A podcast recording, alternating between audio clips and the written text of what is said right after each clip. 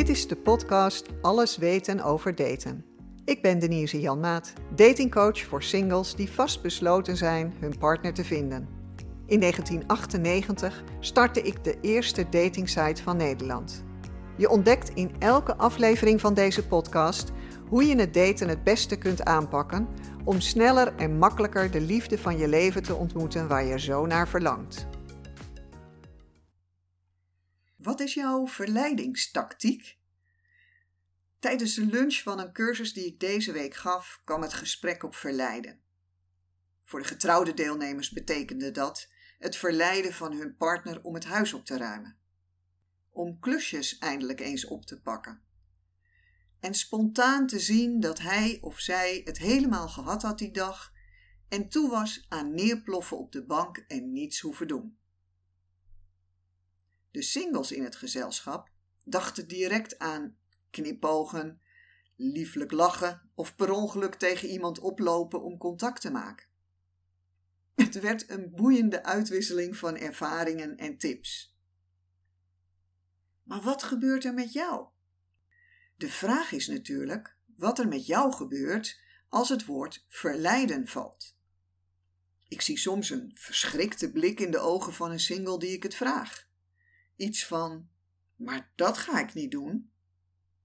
Een ander pakt direct groots uit en gaat allerlei voorbeelden geven van de manieren waarop verleid kan worden en heeft ook meteen al voorpret. Wat gebeurt er bij jou als je het me hoort hebben over verleiden? Welke associaties heb je? Welk gevoel krijg je ergens in je lijf? Welke beelden komen boven? Wat hoor je bij wijze van spreken iemand zeggen? Of misschien wel, wat hoor je jezelf zeggen en doen? In het coachingsgesprek dat ik deze week met Sanne had, vertelde ze me dat het voor haar belangrijk is dat een man hoort wat ze zegt. Ze ervaart het als heel verleidelijk en charmant als hij reageert op wat ze vertelt en dat ook onthoudt. En als hij er dan ook nog eens op terugkomt of erop inspeelt, ja, dan smelt ze. Net zoals ze het fijn vindt als een man haar hoort vertellen dat ze op zondag graag lekker op zichzelf is, wat rommelt in huis, zich naar het einde van de dag een beetje voorbereidt op de nieuwe werkweek. En dat hij dan dus ook geen date voorstelt voor de zondag, maar voor de zaterdag. Dan scoort hij punten. En het lijkt een futiliteit, maar het gevoel dat er voor haar aan gekoppeld is, maakt het echt zo zwart-wit. Voor haar voelt dat als echte aandacht voor haar en interesse in en rekening houden met wat voor haar belangrijk is. Natuurlijk komt het niet zo heel precies, maar als die man haar echt wil verleiden, gaat hij op de eerste twee tot drie dates geen strandwandeling voor de zondagmiddag voorstellen. Maar als die er daarentegen voor de vrijdagavond na het werk uitnodigt voor een etentje en een salsaavond, dan weet Sanne bij wijze van spreken niet eens meer dat ze moe is van een hele week werken. Daar verleidt hij haar heel makkelijk mee. Waar ben jij gevoelig voor? Waarmee kun jij verleid worden? Is het door een verleidelijk, wellicht zelfs iets sensueel geklede vrouw? Of ben je gecharmeerd van een zelfstandig type dat je tegengas geeft? Val jij voor een stoere vent die zelfverzekerd alles wel even regelt?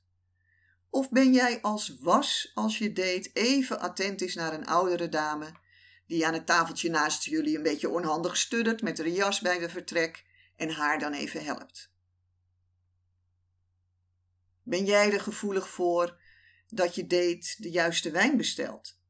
Of raakte je door een gevoelig verhaal te vertellen waarin zijn hoofdrol niet per se die van de onvervaarde ridder is. Als je weet wat je fijn vindt of waar je voor zou vallen, geef je dan een hint of vertel je het hem uitgebreid? Hoe zorg je ervoor dat je krijgt wat jij fijn en leuk vindt?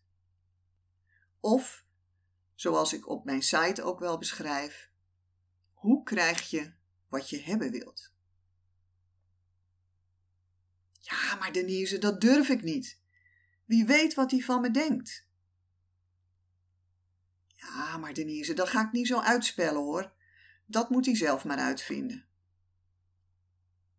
Ja, maar Denise, dan ontdek ik niet of ze het ook zelf kan verzinnen en dan moet ik het altijd zelf doen. Je hebt natuurlijk helemaal gelijk. Het zou hartstikke leuk zijn als iemand jouw gebruiksaanwijzing op de eerste dag al zou kennen en goed zou hebben gelezen. Als je dat verwacht, word je waarschijnlijk regelmatig teleurgesteld. Ik moest van de week glimlachen toen ik op een funny vrouwenaccount op Instagram een leuke quote zag.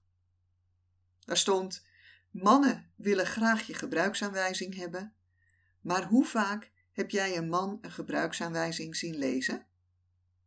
En om heel eerlijk te zijn, denk ik dat er ook flink wat vrouwen zijn die de gebruiksaanwijzing niet altijd lezen hoor. Anders zouden er niet zoveel van die leuke blooperfilmpjes zijn.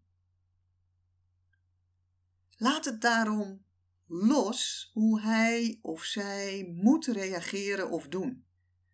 Juist die eigen, juist die eigenaardigheid van die ander kan jou vertederen, doen lachen, doen smelten of gewoon genieten.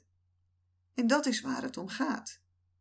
Die befaamde klik komt er door dat soort gevoel dat je bij iemand krijgt. Ja, nou het hebben gehad over dat verleiden, is het natuurlijk ook de tijd om de vraag even andersom te stellen. Wat doe jij om de ander te verleiden en veroveren? Je trekt voor je date hopelijk iets aan wat je lekker zit en waar je je goed in voelt. En hopelijk doet de kleur iets met je, bijvoorbeeld. Die kleur die trekt de aandacht of die staat je zo goed dat het echt opvalt. Want weet je, een rode sjaal of een azuurblauwe trui trekt meer de aandacht dan grijs of zwart. Durf je zo'n kleur te dragen? Durf je zo in de spotlights te stappen? Er zijn mannen zoals Hugo de Jonge die opvallende schoenen aantrekken, of zoals Jort Kelder die altijd bretels draagt. Of je draagt een bijzonder design overhemd of pullover.